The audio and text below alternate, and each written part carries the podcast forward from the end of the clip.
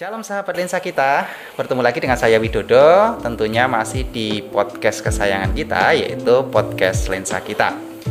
Di episode kali ini kita sudah memasuki bulan April, di mana bagi kita orang-orang Kristen, orang-orang percaya, kita akan memasuki bulan-bulan yang penuh dengan uh, makna, di mana masa-masa prapaskah dan menjelang paskah kita akan menghayati minggu-minggu prapaskah yang sudah dimulai beberapa minggu ini.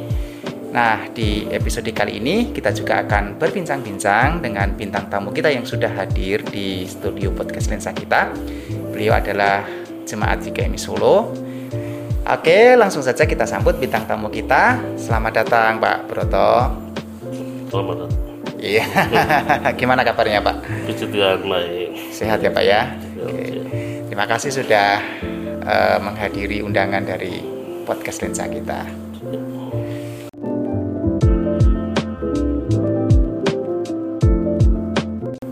Seperti yang saya sampaikan di depan bahwa bulan ini kita sudah memasuki masa raya Paskah.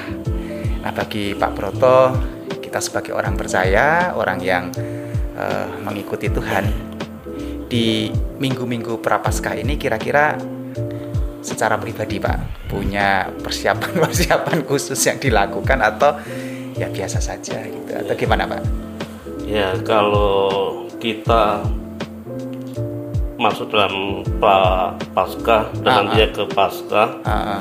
itu kan adalah merupakan ujian ujian tahapan kita kepercayaan kita kepada Tuhan sejauh mana hmm. karena apa minggu sengsara hmm.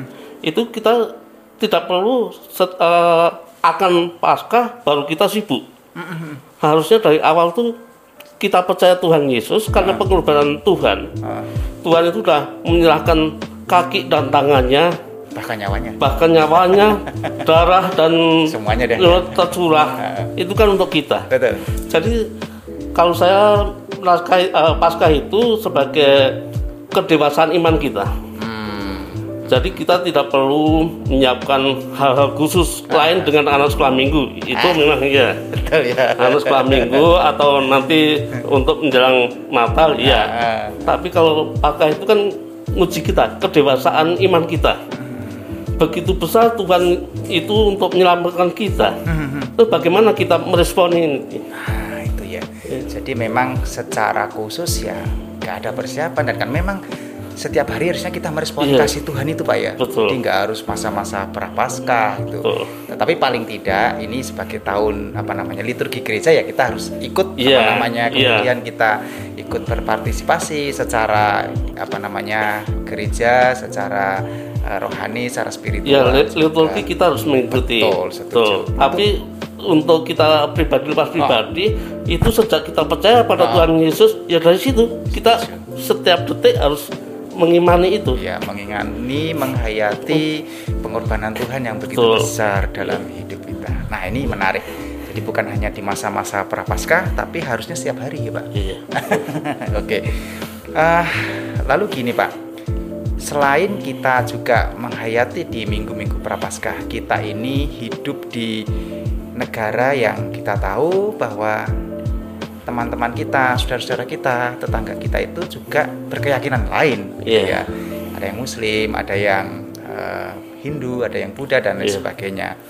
Dan mayoritas di tetangga-tetangga kita, bahkan di lingkungan kerja kita adalah saudara-saudara kita yang beragama yeah. Muslim. Nah, kebetulan nih di hmm. bulan April ini, saudara-saudara kita yang berkeyakinan Muslim mereka juga sedang memasuki ibadah puasa, yeah. gitu ya. Nah, kira-kira uh, seberapa pentingkah kita kemudian kita menghargai mereka, menghormati mereka, yeah. kita punya toleransi satu sisi kita punya iman sendiri, oh. mereka punya iman sendiri, tapi dalam sisi yang lain kita harus hidup bersama. Nah, yeah. gimana Pak kira-kira Pak?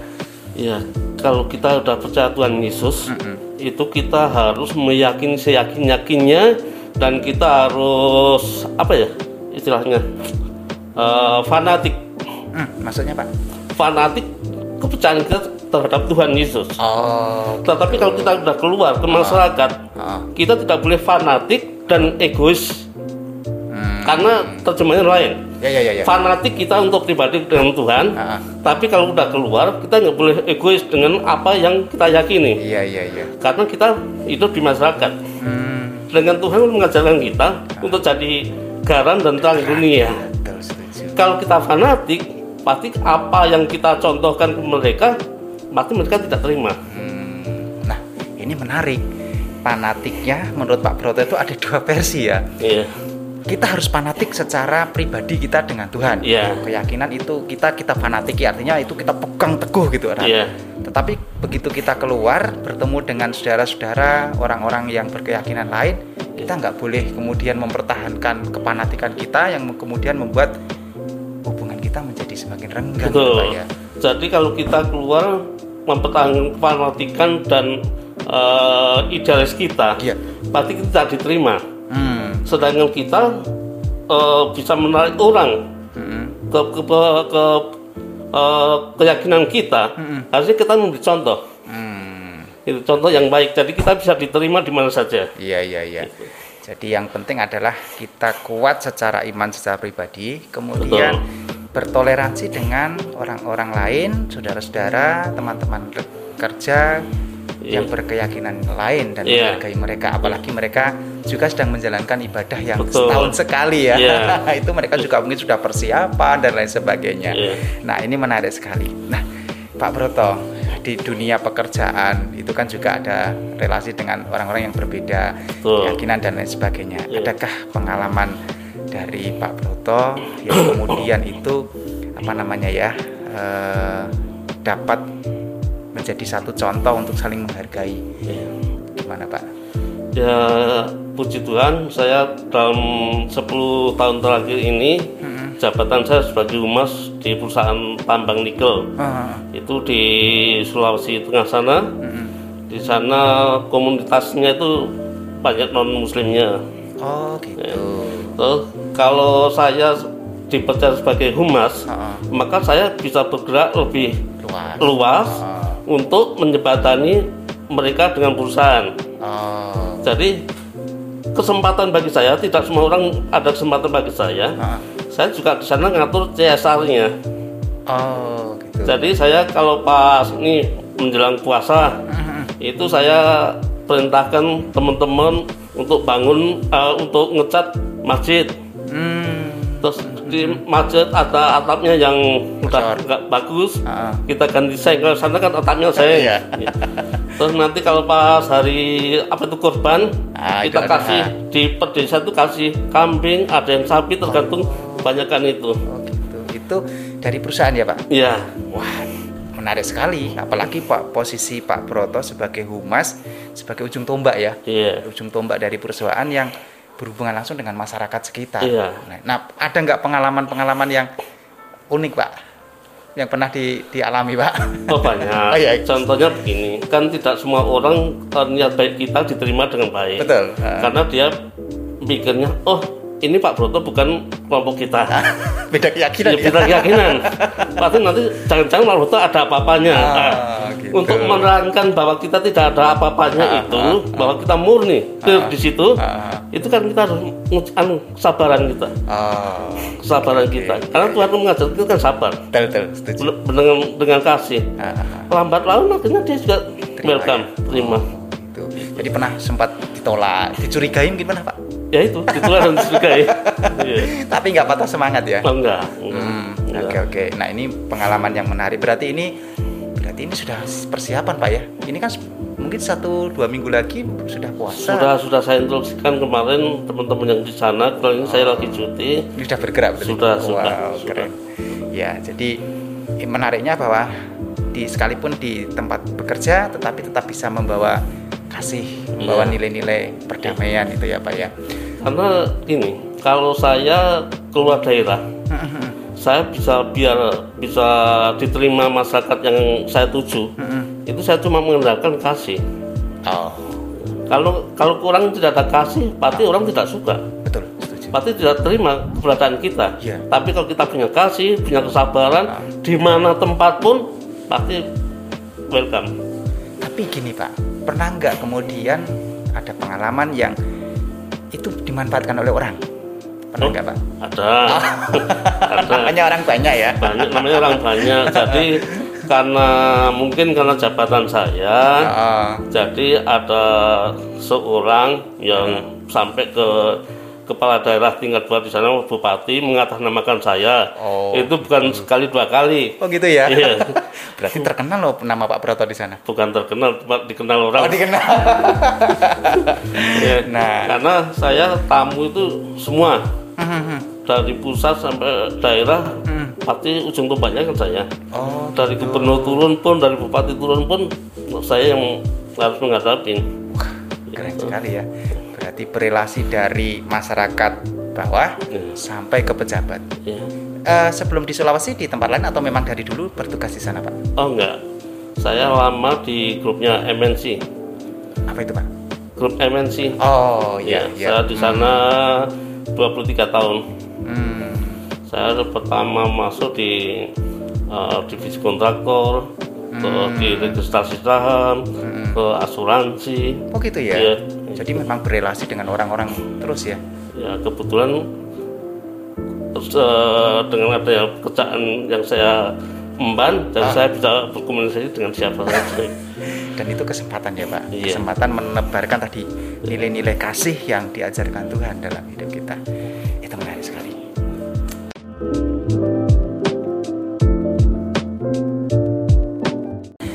Di tengah-tengah kehidupan kita yang beraneka ragam budaya, bangsa kita ini adalah bangsa yang kaya, beraneka ragam budaya, beraneka ragam kepercayaan.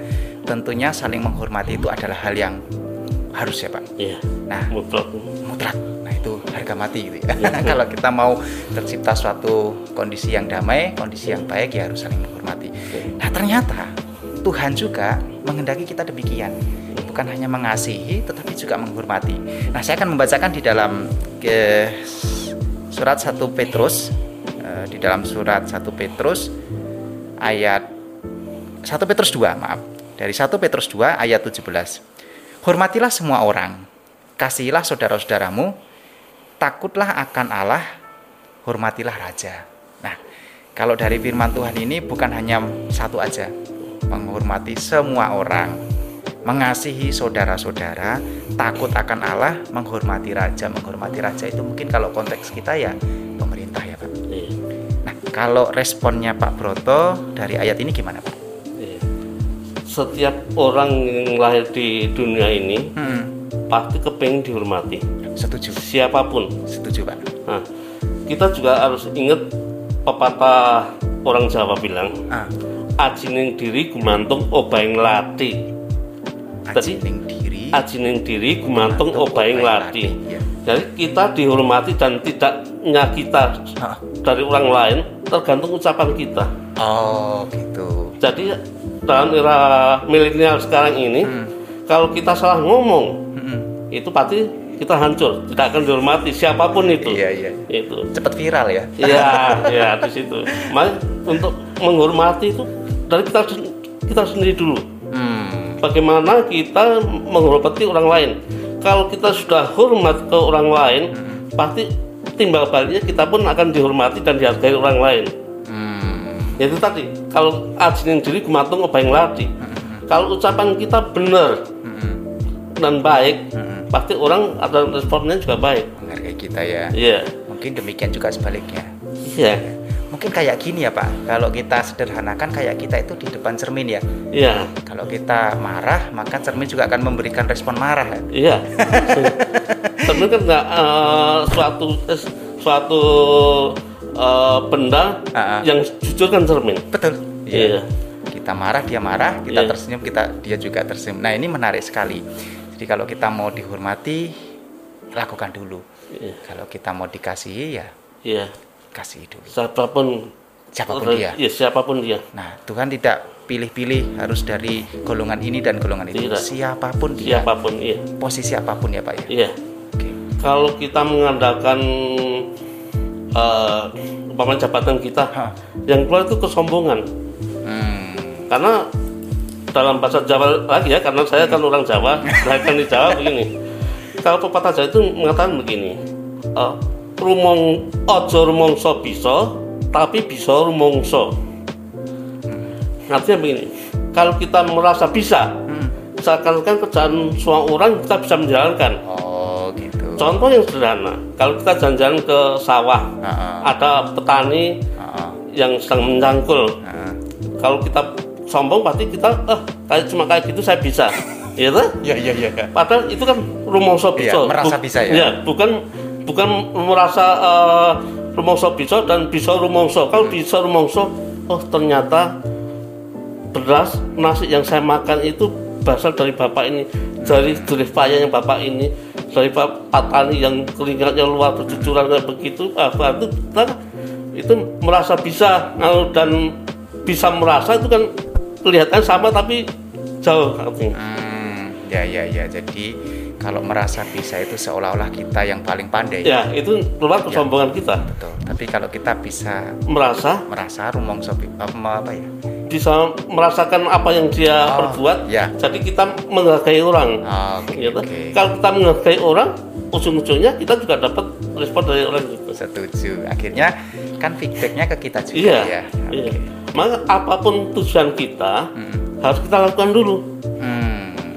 Kita memberi contoh dulu. Hmm ya betul betul betul. Kalau kita nggak memberi contoh yang baik kepada masyarakat dan kita se mau kita sendiri uh. ya masyarakat pun akan mengajar kita dengan maunya masyarakat kan begitu. Betul betul betul. Iya jadi lakukan dulu ya jangan menuntut. Ya beri contoh dulu. Ikhlas itu nah dan memberi dulu. Ya baru kita akan memperoleh ya. apa namanya uh, responnya gitu ya. Gitu. Uh, Kira-kira bagaimana Pak? Kita kan beriman percaya kepada Yesus Kristus. Tentunya Tuhan juga memberi teladan tentang hidup bertoleransi. Nah, kalau mungkin sepemahaman Pak Broto, bagaimana sih Yesus meneladankan kepada kita untuk tadi menghormati atau bertoleransi kepada orang lain? Jadi banyak contoh yang Kristus ajarkan untuk kita. Uh. Jadi Tuhan Yesus itu kan telah maha kuasa betul tapi dia pun juga merendah amat sangat rendah bahkan lebih rendah dari kita sangat rendah betul betul kan uh, uh. jadi kalau Tuhan aja merendah sampai tidak bisa direndahkan lagi uh.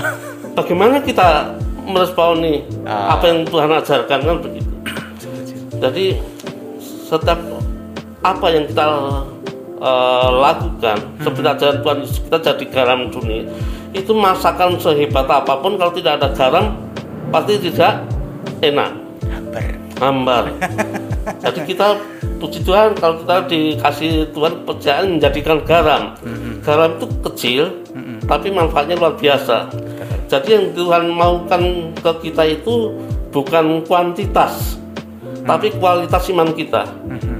jadi kalau kita punya kualitas iman yang luar biasa mm-hmm. maka kita pun akan uh, sejalan dengan Tuhan dan apa itu dari tujuan kita untuk ke surga nantinya hmm. itu lebih terbuka lebar hmm. karena kita uh, menekankan kualitas iman kita yeah. bukan kualitas hmm. kalau kualitas mungkin yang mohon maaf aja mungkin dari kelompok-kelompok yang lain yang penting bolone banyak kan gitu gitu.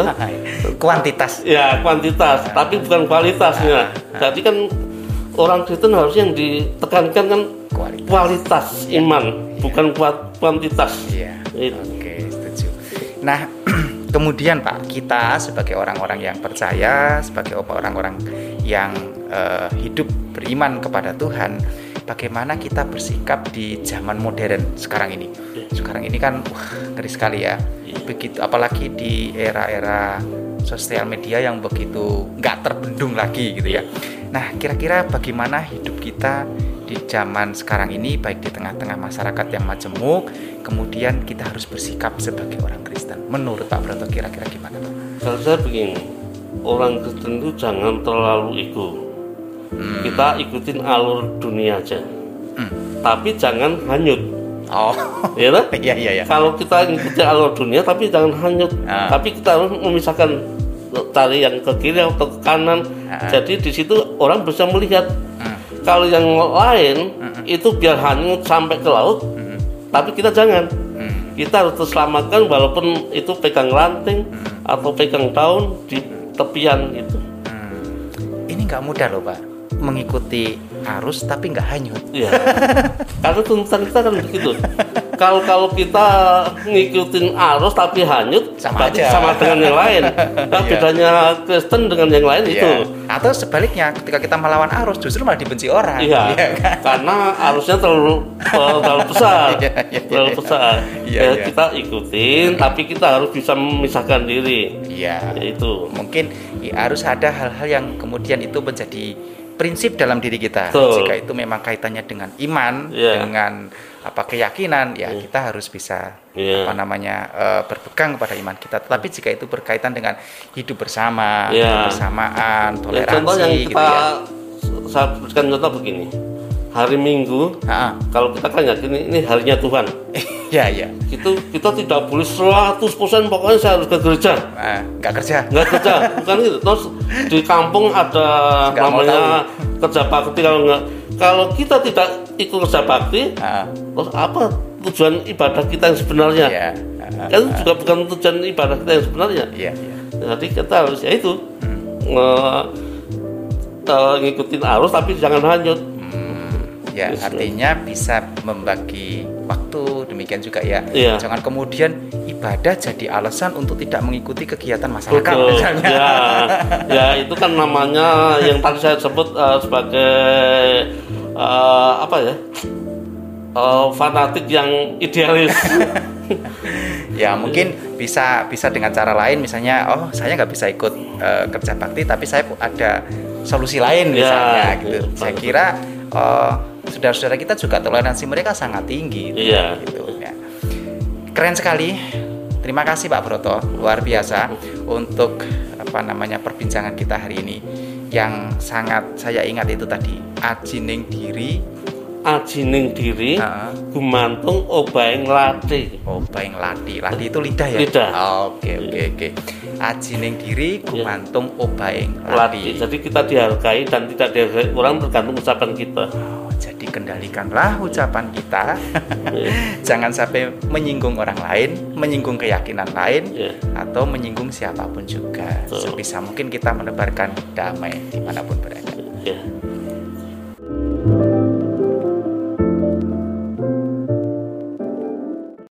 sahabat lensa kita menarik sekali eh, perbincangan kita di episode kali ini tapi sayang waktu yang membatasi kita pak kita harus akhiri eh, perbincangan kita di episode kali ini. Terima kasih Pak Proto sudah hadir di podcast lensa kita. Dari pembicaraan ini saya dapat sesuatu yang eh, baru bagi saya. Tadi pesan yang disampaikan Pak Pak Broto kita itu harus fanatik dengan keyakinan kita dengan iman kita tetapi ketika kita hidup bermasyarakat kita nggak boleh fanatik dengan agama kita gitu ya. Jadi supaya kita juga bisa menghargai orang lain yang punya agama lain. Tetapi ketika kita pribadi dengan Tuhan itu harus fanatik pegang keras. Itu yang pertama.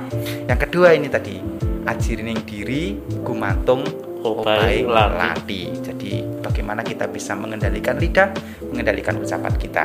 Dan itu akan sangat berpengaruh dalam diri kita.